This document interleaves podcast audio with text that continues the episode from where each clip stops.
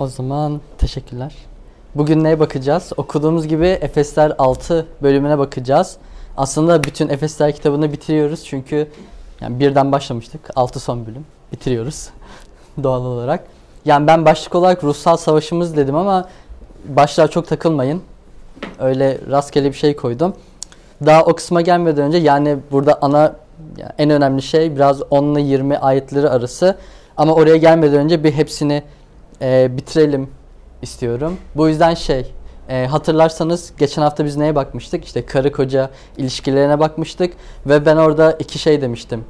Bu ayetleri e, yani bu bölümü aslında Efeslerin 3. bölümden sonrasını iki tane ayet var. Onun ışığında okumamız gerekiyor.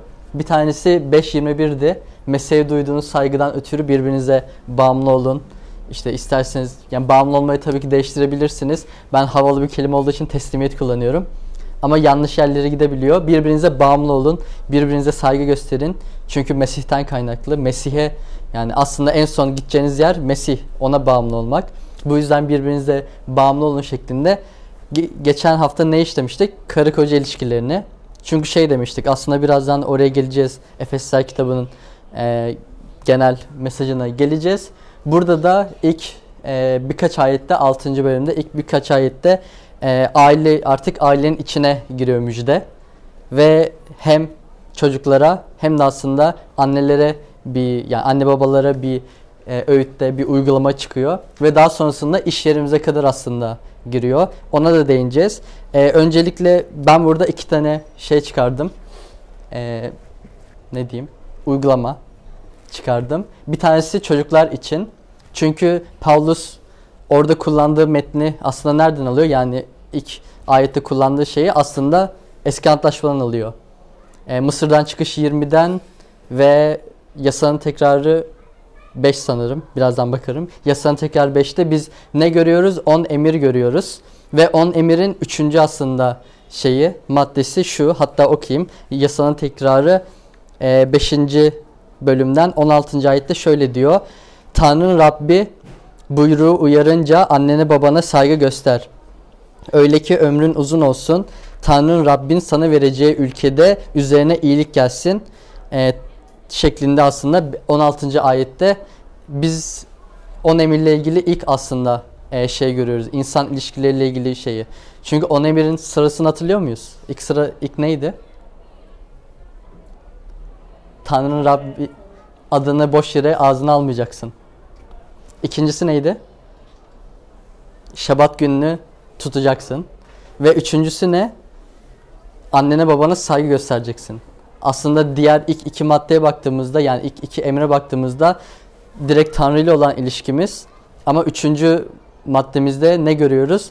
Artık evet hani aşağı inmiş emirler ve ilk madde hani ilk buyruk dünya üzerinde olan anneye babaya saygı göstermek. Aslında e, buradan şey biz anlıyoruz. Tanrı'nın e, düzeninde, aile düzeninde anne ve baba yani ebeveynler ne kadar önemli olduğunu e, görüyoruz ve biz Hristiyanlar da ne yapmalıyız? Ailemize her zaman saygı göstermeliyiz. Hatta bununla ilgili benim bir duyduğum bir hikaye var. Belki daha önce açıklı yani anlatmışımdır. Bayağı seviyorum bu hikayeyi. E, bir imanlı kardeş bu arada Türk. E, normalde çok şey Böyle işte evi falan dağıtır, hiç yatağını falan toplamaz. Hep bilgisayar başında oyun oynar vesaire ama odası dağınıktır. Bu yüzden hep annesi biraz şey hani kızar. Oğlum temizle şuraları işte zaten bu Türkiye Türk ailesinin bir gelenektir şuraları temizle diye. Daha sonrasında bir gün o çocuk gerçekten şey yapıyor. İşte yatağını topluyor ve annesi şaşırıyor diyor ki oğlum sana ne oldu şeklinde. Çünkü daha önce hiç yapmazdın. Ve çocuğu orada işte şey anlatıyor. Ben hani Hristiyan oldum. Bu bu yüzden hani yapmalıyım öyle hissediyorum şeklinde. Aslında bir çocuğun anne babasına nasıl saygı gösterebileceğiyle ilgili bir küçük bir örnekti. Genel metnimiz ne? Ailemize her zaman saygı göstermemiz.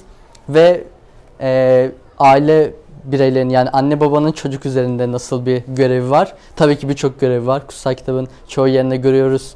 Sevmeli, büyütmeli, yedirmeli, içirmeli. Ama buradan şunu alabiliriz. Ee, çocuklarımızı eğitmeliyiz.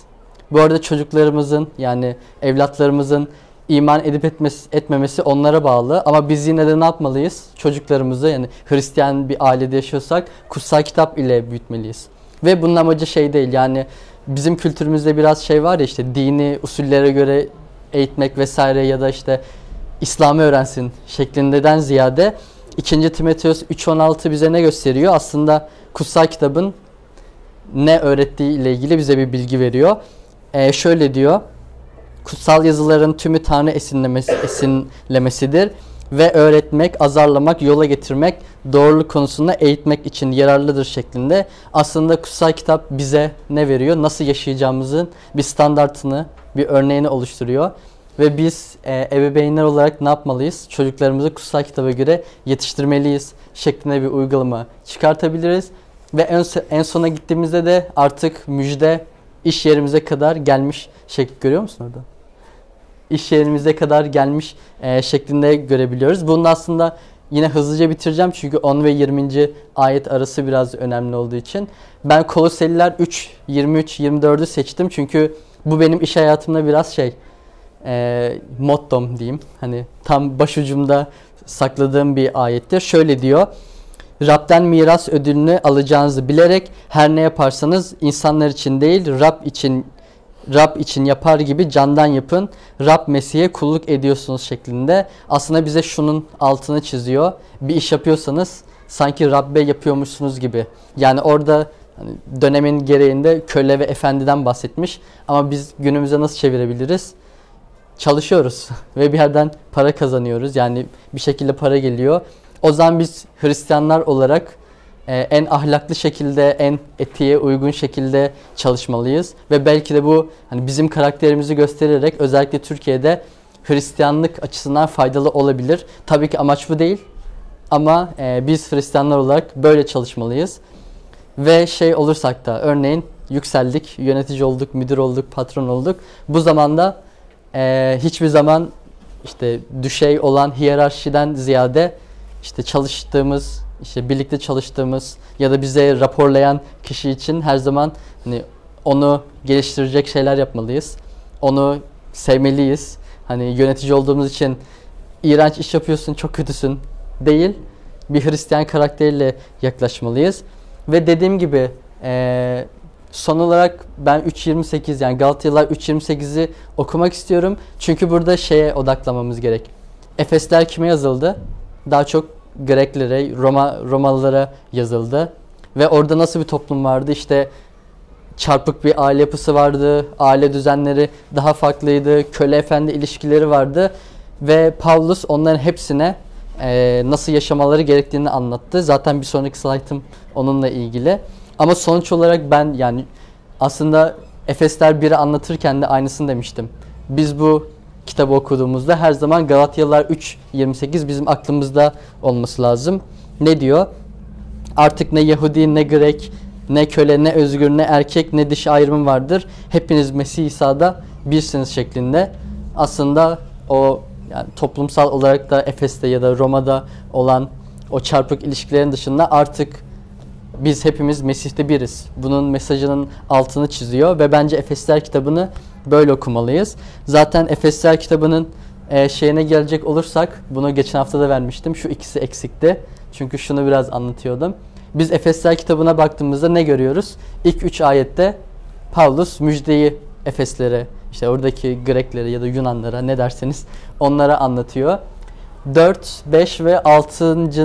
bölümün 10. ayetine kadar da müjdenin ışığında nasıl yaşayabiliriz? Yani evet müjde bu ve artık siz yeni insanlarsınız. İşte o eski e, günahı, kötülüğü kendinizden attınız ve bu şekilde bu şekilde yaşamalısınız diye bize öğütler veriyordu. Ben buraya bir, birkaç tane örnek koydum.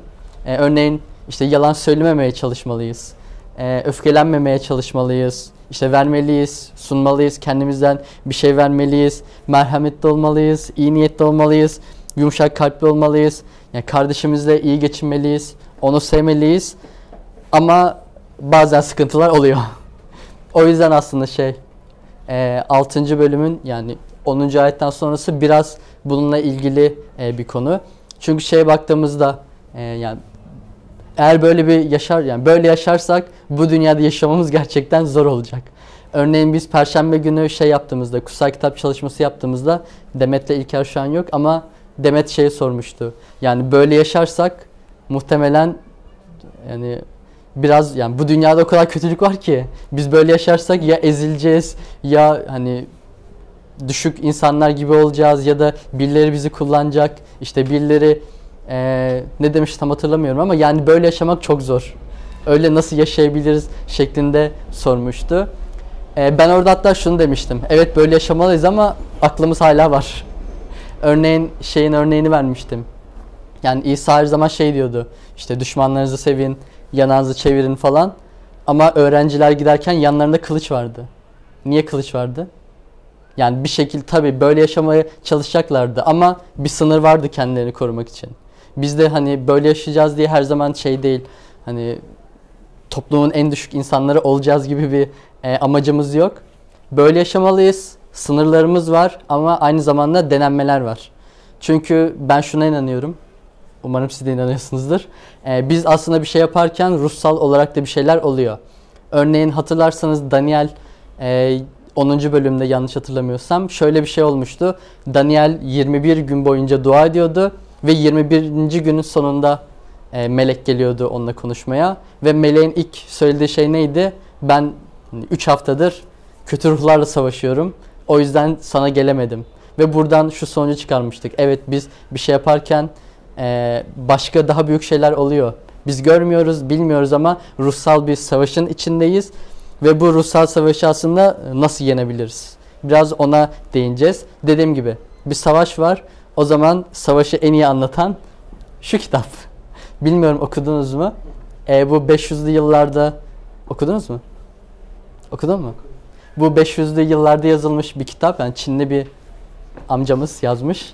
Ve şeyden aslında bu kitap savaş stratejilerinin ve tekniklerinin ilk anlatıldığı kitap olarak yani savaş stratejisinin biraz temeli özü gibi e, gözüküyor. Ben okuduğumda buradan 5 tane şey çıkarmıştım. Bunlar bayağı eskiden kalma. Belki yanlış yani şey aklıma aklımda yanlış kalmış olabilir. E, ben bir savaşı kazanmak için işte Sun Tzu bize 5 tane önemli kriter veriyor. Bir tanesi moral. Yani bir savaşta halkın morali çok önemli. Ve halkın askerlerle, komutanlarla uyumu aynı şekilde çok önemli. Ben bunların her biri için kutsal kitaptan bir ayet vermeye çalıştım. Örneğin e, komutanımızla yani bizim e, bağlı olduğumuz kişiyle kilise arasından yani kilise yani topluluk morali açısından nasıl bir şey olmalı? E, Filipiller 4.1 şöyle diyor. Bu nedenle ey sevgililer, sevincim, başımın tacı, içten özlediğim sevgili kardeşim, böylece Rab'de dimdik durun şeklinde. Aslında denenmelere karşı Pavlus bize diyor ki siz Rab'desiniz, Rab'le birliktesiniz. O yüzden Rab'de kalın. Yani Rab'den vazgeçmeyin. Aslında buradaki moral kanununda komutanınızda kalın şeklinde benzetme yapabiliriz. Daha sonrasında kainat yanlış yazmışım. Kusura bakmayın. Neyse zaten çoğunuz bilmiyorsunuz. kainat. Ve kainatta e, Sunzi bize şey diyor. Savaşta zaman çok önemli. İşte mevsim, kar mı yağıyor, hava sıcak mı, işte hava durumu nasıl buna göre bir savaş stratejisi çizmeliyiz. Ben bunun için Galatyalılar 5.1'i verdim. O şöyle diyor. Mesih bize özgür olalım diye özgür kıldı. Ee, bunun için dayanın bir daha kölelik boyundurluğuna girmeyin. Yani biz ne zaman denenmelerden hep e, zaferle çıkamıyorduk. Yani yenilgiyle çıkıyorduk. E, günah kölesiyken evet hani günah bizi çevreleyebiliyordu. Ama artık Rab'desiniz. Günahın kölesi olmayacağınız zaman yani şu an savaşabilirsiniz şeklinde bir şey çıkartabiliyoruz. Ve üçüncü kriter ya da madde dünya. Bu da kitapta şey olarak yazmış işte düşmanla olan mesafe ne kadar uzak ya da çevre koşulları nasıl, geçitler nasıl, işte geniş bir yer mi var, dar bir yerde mi savaşıyoruz vesaire tarzında e, yazmış amcamız. Ben bunun için e, 1. Petrus 5.8'i verdim. O da şöyle diyor. Ayık ve uyanık olun. Düşmanınız iblis kükreyen aslan gibi yutacak birini arayarak, arayarak dolaşıyor şeklinde. Aslında işte şeytan, kötü ruhlar her zaman işte Hristiyanları, imanları işte deneyecek, onları e, test edecek zamanı arıyor şeklinde ve biz de ona göre aslında cephe almalıyız bu kitaba göre e, diyebiliriz. Ve komutanlık dördüncü kriter. Komutanlıktan kasıt da cesur olmak, kararlı olmak, işte moralimizi bozmamak, bir direkt savaşın ortasındaki kişi olarak. En üstteki biraz halk olarak, topluluk olarak ilgilendiriyor. Ama bu kişi olarak biz cesur olmalıyız ve kesin kararlı olmalıyız şeklinde yine Çinli amcamız diyor. Bu Çinliydi galiba değil mi? Yanlış hatırlamıyorum. Ee, 1. Korintiler 16 13 onun için şöyle diyor. Uyanık kalın, imanda dimdik durun, mert ve güçlü olun şeklinde. Aslında şeytanın denem, denemelerine karşı, bizim denenmeli, denenmelerimize karşı her zaman dimdik ayakta kalın şeklinde ee, Paulus burada bize bir nasihatta bulunuyor. Ve sonuncusu da metot ve disiplin. Buradan kasıt şu, işte askeri rütbe sistemi nasıl, işte iyi liderler var mı, komutanlar nasıl, askeri harcamalarımız nasıl, işte iyi donatmış mıyız, askerlerimize iyi ekipmanlar vermiş miyiz e, şeklinde bu metot e, yani şey bu madde de önemli. Çünkü askerleri doğru silahla donatırsan savaşı kazanmaları o kadar iyi oluyor. Yani ekipman önemli. Ve aslında Efesler 6, 10, 20'de bize şu ekipmanları veriyor. Ee, zaten yani az önce de okuduk. Ben buradaki şeyleri biraz yazmaya çalıştım. İşte belinizi gerçekle kuşatın şeklinde diyor. O yüzden gerçekle kuşatılmış bir kemerden e, bahsettim. E, daha sonrasında doğruluk zırhı takmış e, bir kişi. Şurada görüyorsunuz zırhı var. Daha sonrasında yanlış hatırlamıyorsam kemer ve sandaletleri. Yani orada direkt sandalet demiyor ama şey yani ayağınıza esenlik müjdesi takın diyor. Ve muhtemelen şöyle bir şey de var. Pavlus bu mektubu yazarken nerede? Nerede? Hapishanede. Değil mi? Efeslere yazarken hapishanede. Efendim? Aynen Roma'da hapishanede. Ve o zaman ne olmuş olabilir? Pavlus bunu yazarken muhtemelen karşısında ya da hani girişte bir Romalı asker vardı ve ondan etkilenerek aslında böyle bir işte ruhsal silahlar çıkarmış diyebiliriz. O yüzden ben yani şeye baktığımda Romalı askerlere baktığımda onlar sandalet giyiyordu. Zaten birazdan geleceğiz. O yüzden esenlik müjdesi olan sandaletlerimiz var. Ee, iman kalkanımız var. Kurtuluş miğferimiz var. En son ruhun kılıcı var. Buna zaten geleceğiz. Şimdi zaten e, tek tek bakacağız. Önce gerçekle kuşatılmış kemere bakacağız. Kemer normalde yani bir herhangi bir savaşta ne işe yarıyor? Yani etkili savaşmak için giysileri toplar yazdım. Çünkü kemeri takıyorsunuz, pantolonunuz düşmüyor ve üstünüzdeki açılmıyor. Aslında sizi derli toplu tutuyor ve savaşırken de daha hani nasıl diyeyim aktif hareketler yapmanıza neden oluyor. Bu yüzden evet kemer giysileri topluyor. Peki ruhsal olarak bize bu ekipman neyi sağlıyor? Gerçekten sapmamamızı sağlıyor. Yuhanna 8.32'nin de e, dediği gibi gerçeği bileceksiniz ve gerçek sizi özgür kılacak şeklinde konuşuyor. Peki bu gerçek ne? Mesih'in fedakarlığı. Zaten e, burada yazdığım gibi e, buradan yani nasıl bir şey çıkartabiliriz? Gerçekten biz nasıl sapabiliriz? E, şeye baktığımızda yani dünyaya baktığımızda bazen günah daha cazip, daha olumlu geliyor olabiliyor. Yani örneğin işte iş yerindeyiz. Şu an farazi olarak atıyorum. İş yerindeyiz. Birinin kuyusunu kazmak, birinin hakkında dedikodu yapmak, işte birinin arkasından konuşmak vesaire biraz daha mutlu edici gelebiliyor. Ya da çok sevdiğimiz bir arkadaşımız, onun hakkında dedikodu yapmak, arkasından konuşmak, yüzüne karşı yalan söylemek eee, belki bizi daha tatmin ediyor, daha mutlu ediyor. Çünkü günah daha cazip gelebiliyor. Ama biz burada ne yapmalıyız? Günaha boyun eğmemeliyiz. İşte aklımıza bunlar geldiği zaman biz her zaman Mesih'in fedakarlığını, bizim için yaptıklarını, bizim için çarmıhta yaptıklarını ve hayatta neler yaptığını her zaman e, hatırlamalıyız. Ve dediğim gibi Tanrı'dan umudu kesmemeliyiz. Çünkü günah gerçekten karşı koyulması zor bir şey. Ama biz her zaman umudumuz Mes- Mesih'te olursa savaşta daha iyi şeyler yapabiliriz. E, ondan sonra neyimiz var? Doğruluk zırhımız var. Zırh bir savaşta ne iş yapar? Ya en önemli aslında yerleri koruyor organlarımızı. Yani kalbimize bıçak girse öldük. ya da farklı hani önemli olan bölgelerimizi koruyor. Ve ruhsal olarak o zaman bu ne yapıyor diyebiliriz. e, bizim ruhsal düşüşlerimizi engelliyor. Çünkü aslında yine Paulus Romalılar mektubuna ne diyor? E, Rab İsa'yı kuşanın diyor. İşte benliğinizin tutkularına karşı Rab İsa'yı kuşanın diyor. Ben az önce de e, bahsettiğim gibi evet biz yüreğimizde ne kadar iyi olanı yapmaya çalışıyorsak da benliğimiz biraz buna izin vermiyor ve Galatyalılar kitabında Galatyalılarda sanırım benliğin işlerinden bahsediyor. Neydi bunlar? Hatırlıyor muyuz? Hız yani ruhun meyvelerini hızlı sayabiliyoruz ama benliğin işlerini çok hızlı sayamıyoruz. Ben o yüzden yazdım. Ee, örneğin Galatyalılar 5'te diyordu bunu. Ee, işte fuş, pislik, sefaat, putperestlik, büyücülük, düşmanlık, çekişme, kıskançlık, e, öfke, bencil tutkular, ayrılıklar, bölünmeler, çekememezlik, sarhoşluk, çılgın eğlenceler aslında benliğin bize verdiği o hani kötü olan şeyler ve biz e, böyle yani ayartıldığımız zaman diyeyim ne yapmalıyız? Her zaman Tanrı'ya sığınmalıyız. Her zaman yani böyle düşüncelere kapıldığımız zaman e, Tanrı'ya kendimizi adamalıyız. Belki bir boşluk yani Tanrı ile vakit geçirme şeyleri yapabiliriz. Birazdan ona da geleceğiz. Ama daha çok dediğim gibi burada evet kötülük yani benliğin işleri baskın geldiğinde bu arada utanmamalıyız. Bir arkadaşımızla bir kardeşimizle kiliseden biriyle de bunu her zaman e, paylaşabiliriz. E, ve daha sonrasında neyimiz var? Esenlik müjdesi sandaletimiz.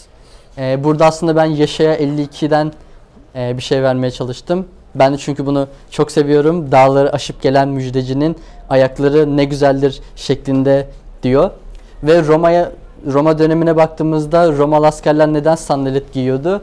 Çünkü engebeli arazide yani yamuk yumuk dağda vesaire giderken daha hızlı yürümeyi sağlıyor ve düzgün yürümeyi hem de hızlı yürümeyi e, sağlıyor. O zaman ben bunun için ruhsal olarak şöyle bir şey dedim.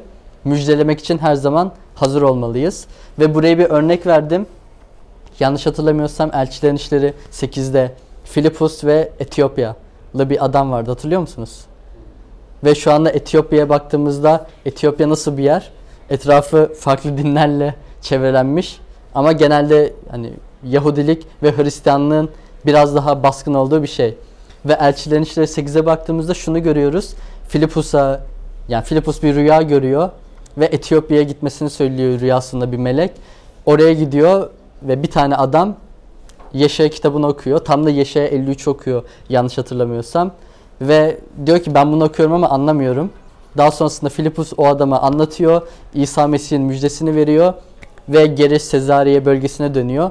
Ama şu anda baktığımızda Etiyopya Hristiyanlığın hani daha biraz yoğun olduğu bir e, ülke diyeyim.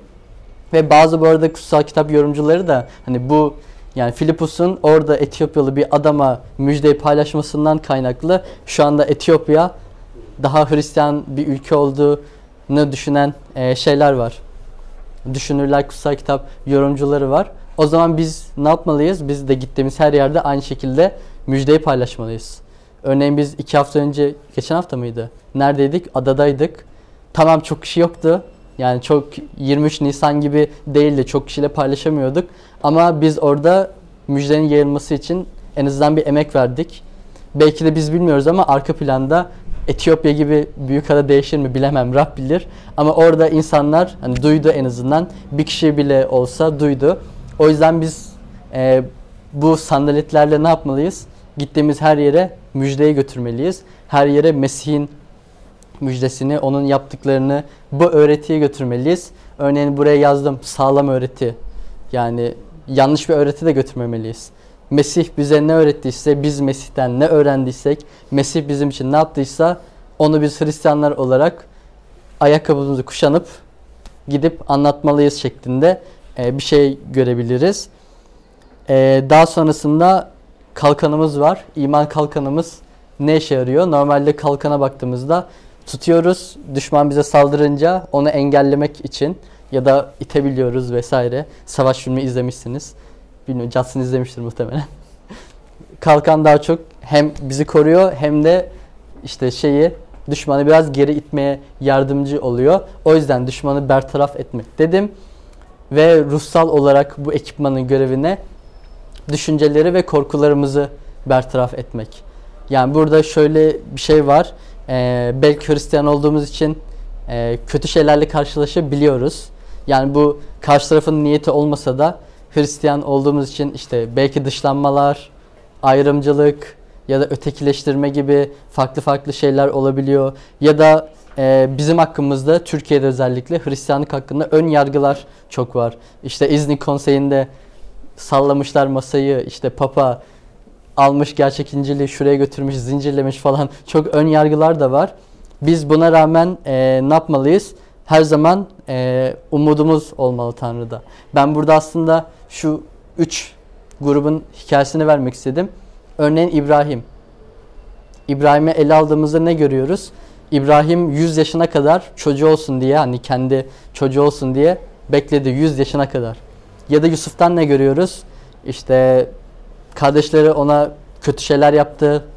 İşte kuyuya atıldı. Daha sonra Mısır'a gitti. Mısır'da işte köle olarak yaşadı, iftiralar yaşadı ama en son Mısır'ın lideri oldu.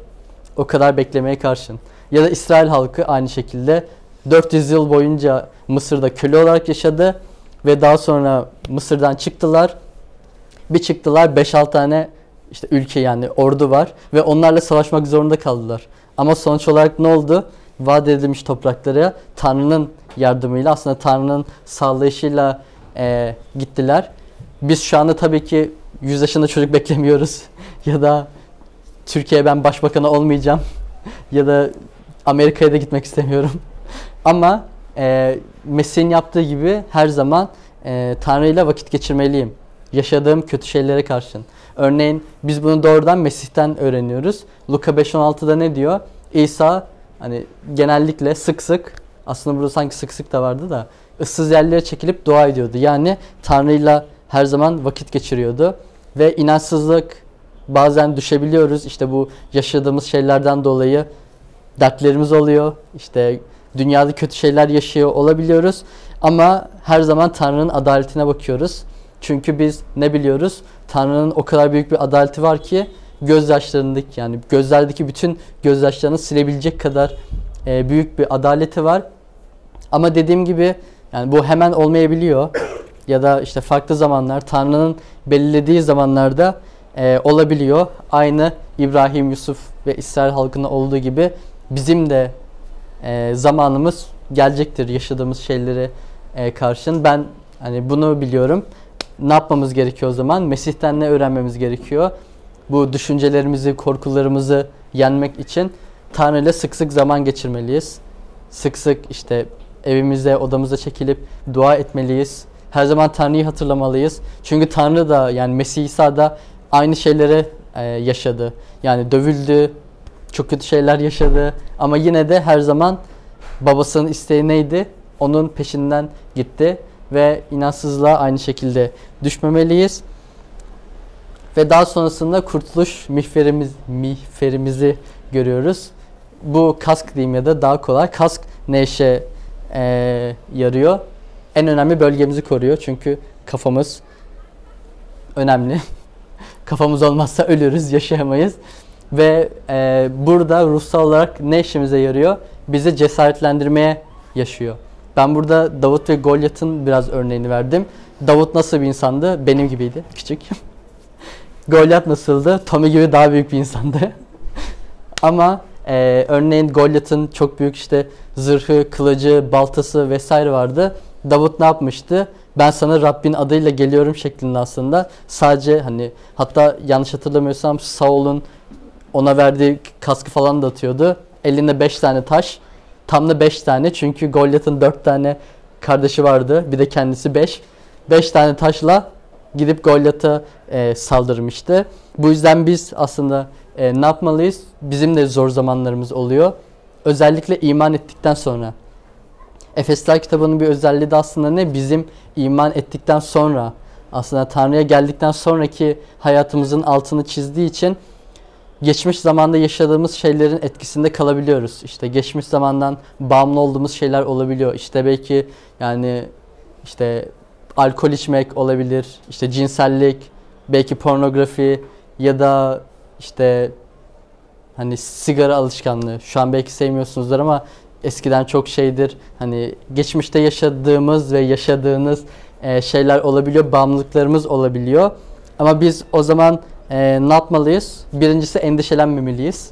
Çünkü İsa bize ne diyor? Yarının kaygısı yarına kalsın şeklinde söylüyor. Bugün endişelenmemeliyiz. Eğer böyle bir şey yaşıyorsak e, şunu biliyoruz. Tanrı bizim başarmak istediğimiz şeyi sağlayacak. Biraz zor bir cümle oldu. Ama Tanrı bizim hani sonunda yapmak istediğimiz şeyi kendisi yapacak. Bu yüzden kontrol bizde değil ama yapmamak için elimizden geleni yapmalıyız. Mesela oruç tutmalıyız. Örneğin e, işte yapmakta zorlandığımız, yapmamak istediğimiz ama yapıyor olduğumuz bazı şeyler olabiliyor. İşte bu bağımlılıklardan bahsettim ya geçmişten kalan.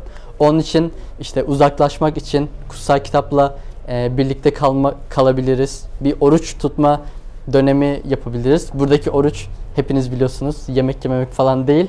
Hani bir şeyden uzaklaşmak, kendimizi Tanrı'ya adamak bu tür e, şeyleri yapabiliriz ve dediğim gibi Tanrı'nın lütfunu her zaman görmeliyiz. Bizim için yaptıklarını, bizim için feda ettiklerini görmeliyiz.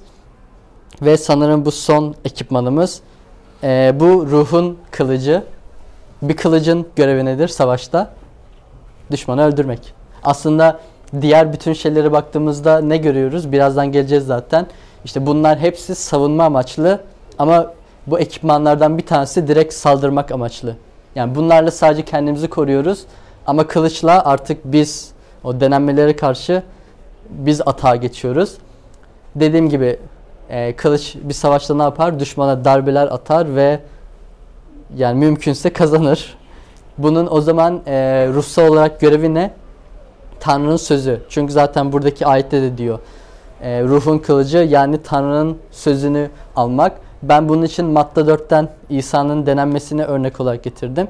Hatırlıyorsunuzdur. E, İsa denendiği zaman e, nasıl karşılık veriyordu? Sürekli Tanrı'nın sözleriyle işte mezmurlardan, e, yanlış hatırlamıyorsam Samuel'den ya da e, işte eski antlaşmadan şey Tanrı'nın sözleriyle direkt kutsal kitapla cevap veriyordu. Biz de aslında yaşadığımız şeylerde Tanrı'nın sözleriyle cevap vermeliyiz. O yüzden Tanrı'nın sözleriyle her zaman e, vakit geçirmeliyiz.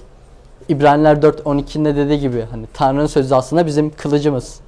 Bizim kılıcımız ve onunla vakit geçirmeliyiz. Ayetler kullanarak dua edebiliriz. Çünkü kutsal kitapta çok farklı denemeler görebiliyoruz. Örneğin yani ilk sayfayı bile açtığımızda 3. bölümde örneğin ilk insanların yani Havva'nın örneğin işte Adem'in denenmesini görüyoruz. Eyüp'ü görüyoruz. Nuh'u görüyoruz. işte İbrahim'i görüyoruz. Şeye İsa dağa götürdüğünde o ama yine de işte vermişti. Kendisinden bir şey vermişti. Onun dışında İsrail halkının denenmesini görüyoruz. Eyüp'ü saydım mı bilmiyorum. Eyüp'ün denenmesini görüyoruz. Belki Yunus'u görüyoruz. Yani çok fazla denenme görüyoruz. Ama hep Tanrı bir şeyler yapıyordu. Hep Tanrı bu denenmelerin üstünden geliyordu. Ve genelde hepsi denenmelerden kalıyordu. Ama biz bir kişinin zaferini görüyorduk. Örneğin İsrail halkı da 40 yıl boyunca çölde denendi. Kaybetti. Ee, ama İsa denendiğinde kaybetmedi. Çünkü o Tanrı'nın sözüyle cevap verdi. Şeytana karşı onun sözüyle karşılık verdiği için aslında o bu zaferi kazandı. O zaman aslında burada ben biraz hani bu kılıca önem vermek istedim. Çünkü dediğim gibi kılıç bize tek saldırı görevi yapan, öbürleri koruma görevi yapıyor. Ama kılıç direkt saldırma görevi yaptığı için biraz kılıca odaklanmak istedim. Ve şey dedim, burada ayetlerde dediği gibi. Kılıç ne? Tanrı'nın sözü. Söz kim? İsa. Bütün kutsal kitaba baktığımızda İsa'nın söz olduğunu görüyoruz. O zaman kılıç bizim zaferimize sebep oluyorsa yani kutsal kitapla vakit geçirmemiz, duamız, işte yaptığımız her şey e, bizim zaferimize, işte o saldırı aracımız zaferimize neden oluyorsa şunu unutmamalıyız. Bu zafer bizim değil aslında. Evet biz e, kullanıyoruz onu ama bu aslında İsa'nın, İsa Mesih'in e, zaferi. Yani şeye geldiğimizde, Efesler kitabına geldiğimizde bize müjde öğretiyor müjdenin ışığında nasıl yaşayabiliriz? Onu da öğretiyor. Hatta bunun ne kadar önemli olduğunu da öğretiyor. Ve doğru olan silahı kullanmamız gerektiğini gösteriyor. Ve yine aynı aslında kitaba dönersek o klasiklerden olan kitaba orada doğru silahı kullanmak çok önemliydi. Ve bizim doğru silahımız ne? Tanrı'nın sözü ve dolayısıyla İsa Mesih. Çünkü e, yani sonuç olarak belki şey diyebiliriz. Bizim zaferimizin sebebi ya da kökü o ana şeyi biz değiliz. Bizim yaptıklarımız değil. İsa Mesih. Yani Mesih'in kendisi aslında bizim e, zaferimizin kaynağı o diyebiliriz. O zaman biz de ne yapmalıyız? Tanrı'nın sözünü kullanmak için denenmeler yaşadığımızda işte Mesih'in sözlerini kullanarak onu kullanarak aslında dualar etmeliyiz e, diyebiliriz. Ve Mesih'in müjdesinin yayılması için işte iki tane sonuç çıkartabiliriz. Bir, denenmelerimizde Tanrı ile vakit geçirebiliriz. İki, müjdenin yayılması için e, dua etmeliyiz. Zaten bunun aslında son hani ayette e, 18 ve 20. ayetlerinde Paulus şunu diyor. Ben önemli yerlerin altını çizdim. Bütün kutsallar için dua edin. Benim için dua edin. Müjdeyi cesaretle açıklayabileyim diye dua edin. Ve yine aynı şekilde aslında elçilik ettiği müjdeyi gerektiği gibi cesaretle duyurabilmem için e, dua edin şeklinde. Efesler kitabının işte sonunda biz ne görüyoruz? Nasıl müjde nedir? Müjdenin ışığında nasıl yaşayabilirim? Ama evet müjdenin ışığında yaşamak çok önemli ama yaşamak çok zor. Peki bunu nasıl yapabilirim? Ee, bu ekipmanlarla, bu arada ekipmanlar da bizim değil, onu söyleyeyim. Tanrı'nın bize verdiği ekipmanlar. Yani Tanrı bizi donatıyor bu denenmeler karşısında zafer kazanalım diye. Çünkü zafer de bizim değil. Zafer Mesih'in zaferi, İsa Mesih'in zaferi olduğu için. Ve burada da hani şeyin isteği Pavlus'un dolaylı olarak bizden ama Efeslerden isteği şu müjdeyi yayanlar için dua etmek. Hatırlarsanız e, zaten şimdi bir uygulama yapacağız hep birlikte. Geçen hafta biz ne yapmıştık? Elçilenişleri 1.8'e bakıp e, bir şey yapmıştık, dua etmiştik. Orada işte Yahudi'ye, Samiri'ye ve bütün dünyaya müjde ulaşsın diye şey yapıyorduk. E, yani elçilenişlerinde böyle bir yapı vardı ve biz de aynısını uygulamıştık. O zaman e, biz şöyle bir şey yapacağız. E, bu arada bunu artık her hafta yapacağız. E, bu başlangıcı olsun. Kendi şehrimiz için ya da bölgemiz için dua edeceğiz. İstanbul için dua edeceğiz. Kadıköy için dua edeceğiz. Daha sonra Türkiye'de zor olan bir il için dua edeceğiz. Müjdenin e, yayılması için. Daha sonrasında Orta Doğu ve Balkanlarda bir ülke seçip onun için dua edeceğiz. Ve son olarak tüm dünya için dua edeceğiz. Birazdan bunu yaparız. Ama dediğim gibi hani son kez bir özetlemek istedim. Belki tekrar olacak. Şey bize neyi gösteriyor? Belki orayı tekrar açabilirim şu slaytı. Biz Efesler kitabından bitirdiğimiz için hani en son son selamlar kalıyor. Orada zaten bir doksoloji var. Çok önemli değil. Aslında önemli de. Ee, genel olarak Efeslere baktığımızda işte ne görüyoruz? Müjdenin ne olduğunu görüyoruz. Nasıl yaşayacağımızı ve bu yaşamak çok zorken neler yapabiliriz? İşte bu ruhsal savaşlarımızda neler kullanabiliriz? Tanrı'nın bize verdiği şeyleri e, kullanmalıyız diye konuşabiliriz. O zaman şöyle bir şey yapalım. Son Paulus bizden ne istiyor? Onun için dua etmemizi. Yani müjdeciler için. Hani bütün dünyada müjdeyi yaymak için uğraşan çok insan var. Türkiye'de var. Bizler varız. Çünkü burada da sandaletin görevi neydi? Müjdeyi paylaşmak için hazır olmak. O zaman dua edeceğiz. Şimdi İstanbul'da için edeceğiz. Türkiye'de bir il için edeceğiz. Hangi il olsun? Tamamen size bıraktım. Konya. İlk gelen cevabı alıyorum bu arada. Arabistan. Geldi. Başka isteği olan var mı? Ve tüm dünya için. O zaman Ergin abi bizim için dua edecek. Öyle mi? Aynen.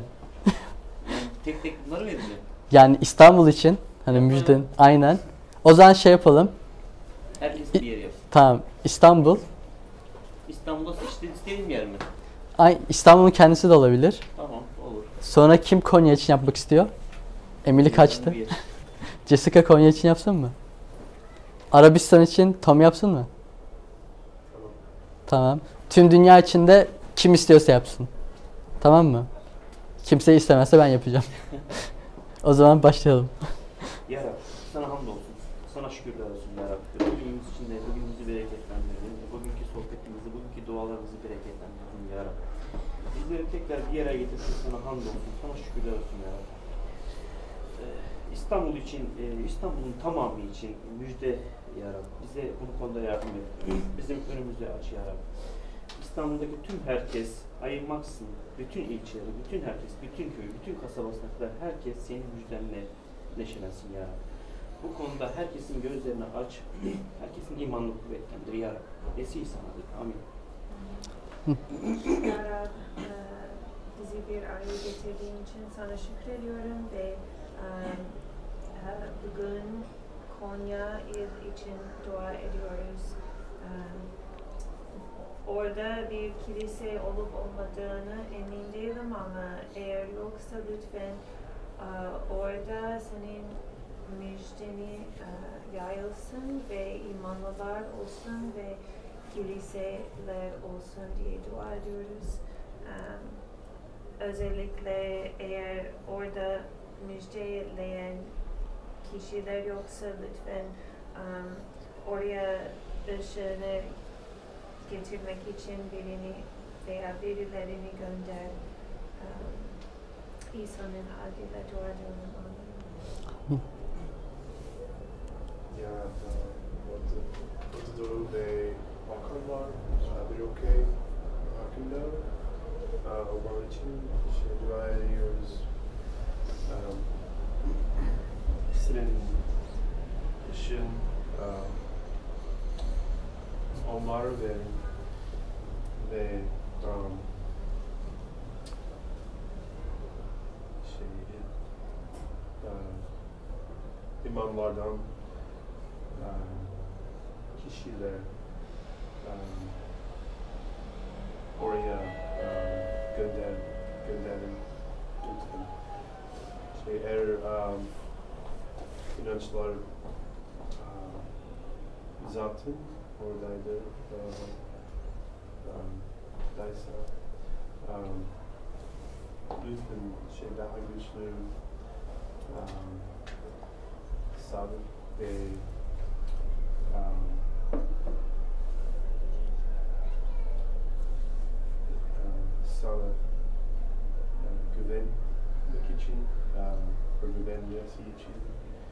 daha güçlü uh, olmak istiyoruz ve uh, bunun için uh, dua ediyoruz.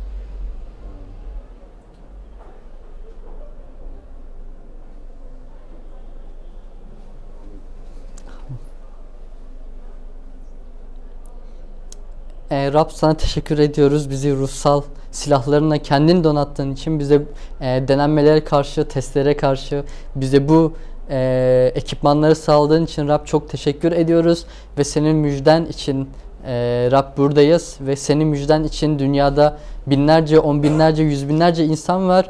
Rab onları her e, onların her birine tek tek yardım et diye, her birinin yüreklerinde ol diye, her birine cesaret ver diye gittikleri her yerde senin adını e, ansınlar, senin adını anlatsınlar, senin ışığını göstersinler diye dua ediyorum.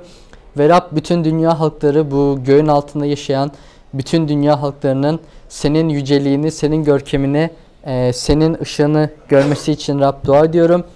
Rab sen e, sağlayan Tanrısın, sen her şeye gücü yeten Tanrısın. Rab ışığını, e, yaptıklarını, çarmıhta bizler için, onlar için yaptıklarını göster diye onların her birinin yüreğinde e, Rab tohum, tohumlar kur, her birinin yüreğini değiştir, filizlendir diye dua ediyoruz. Rab çünkü senin gücün sonsuzdur. Sen e, Rab çok kudretlisin. Bunu biliyoruz. Ve senin sevgin çok büyüktür Rab. Buna güveniyoruz ve buna inanıyoruz. Rab umudumuz sende. Gerçekten umudumuz sende. Bi- Bizim her birimizin hayatlarında ol diye. e, bizim yollarımızı sen belirle diye. E, bizim e, yollarımızı sen düzle bize sen rehberlik, önderlik, liderlik et diye.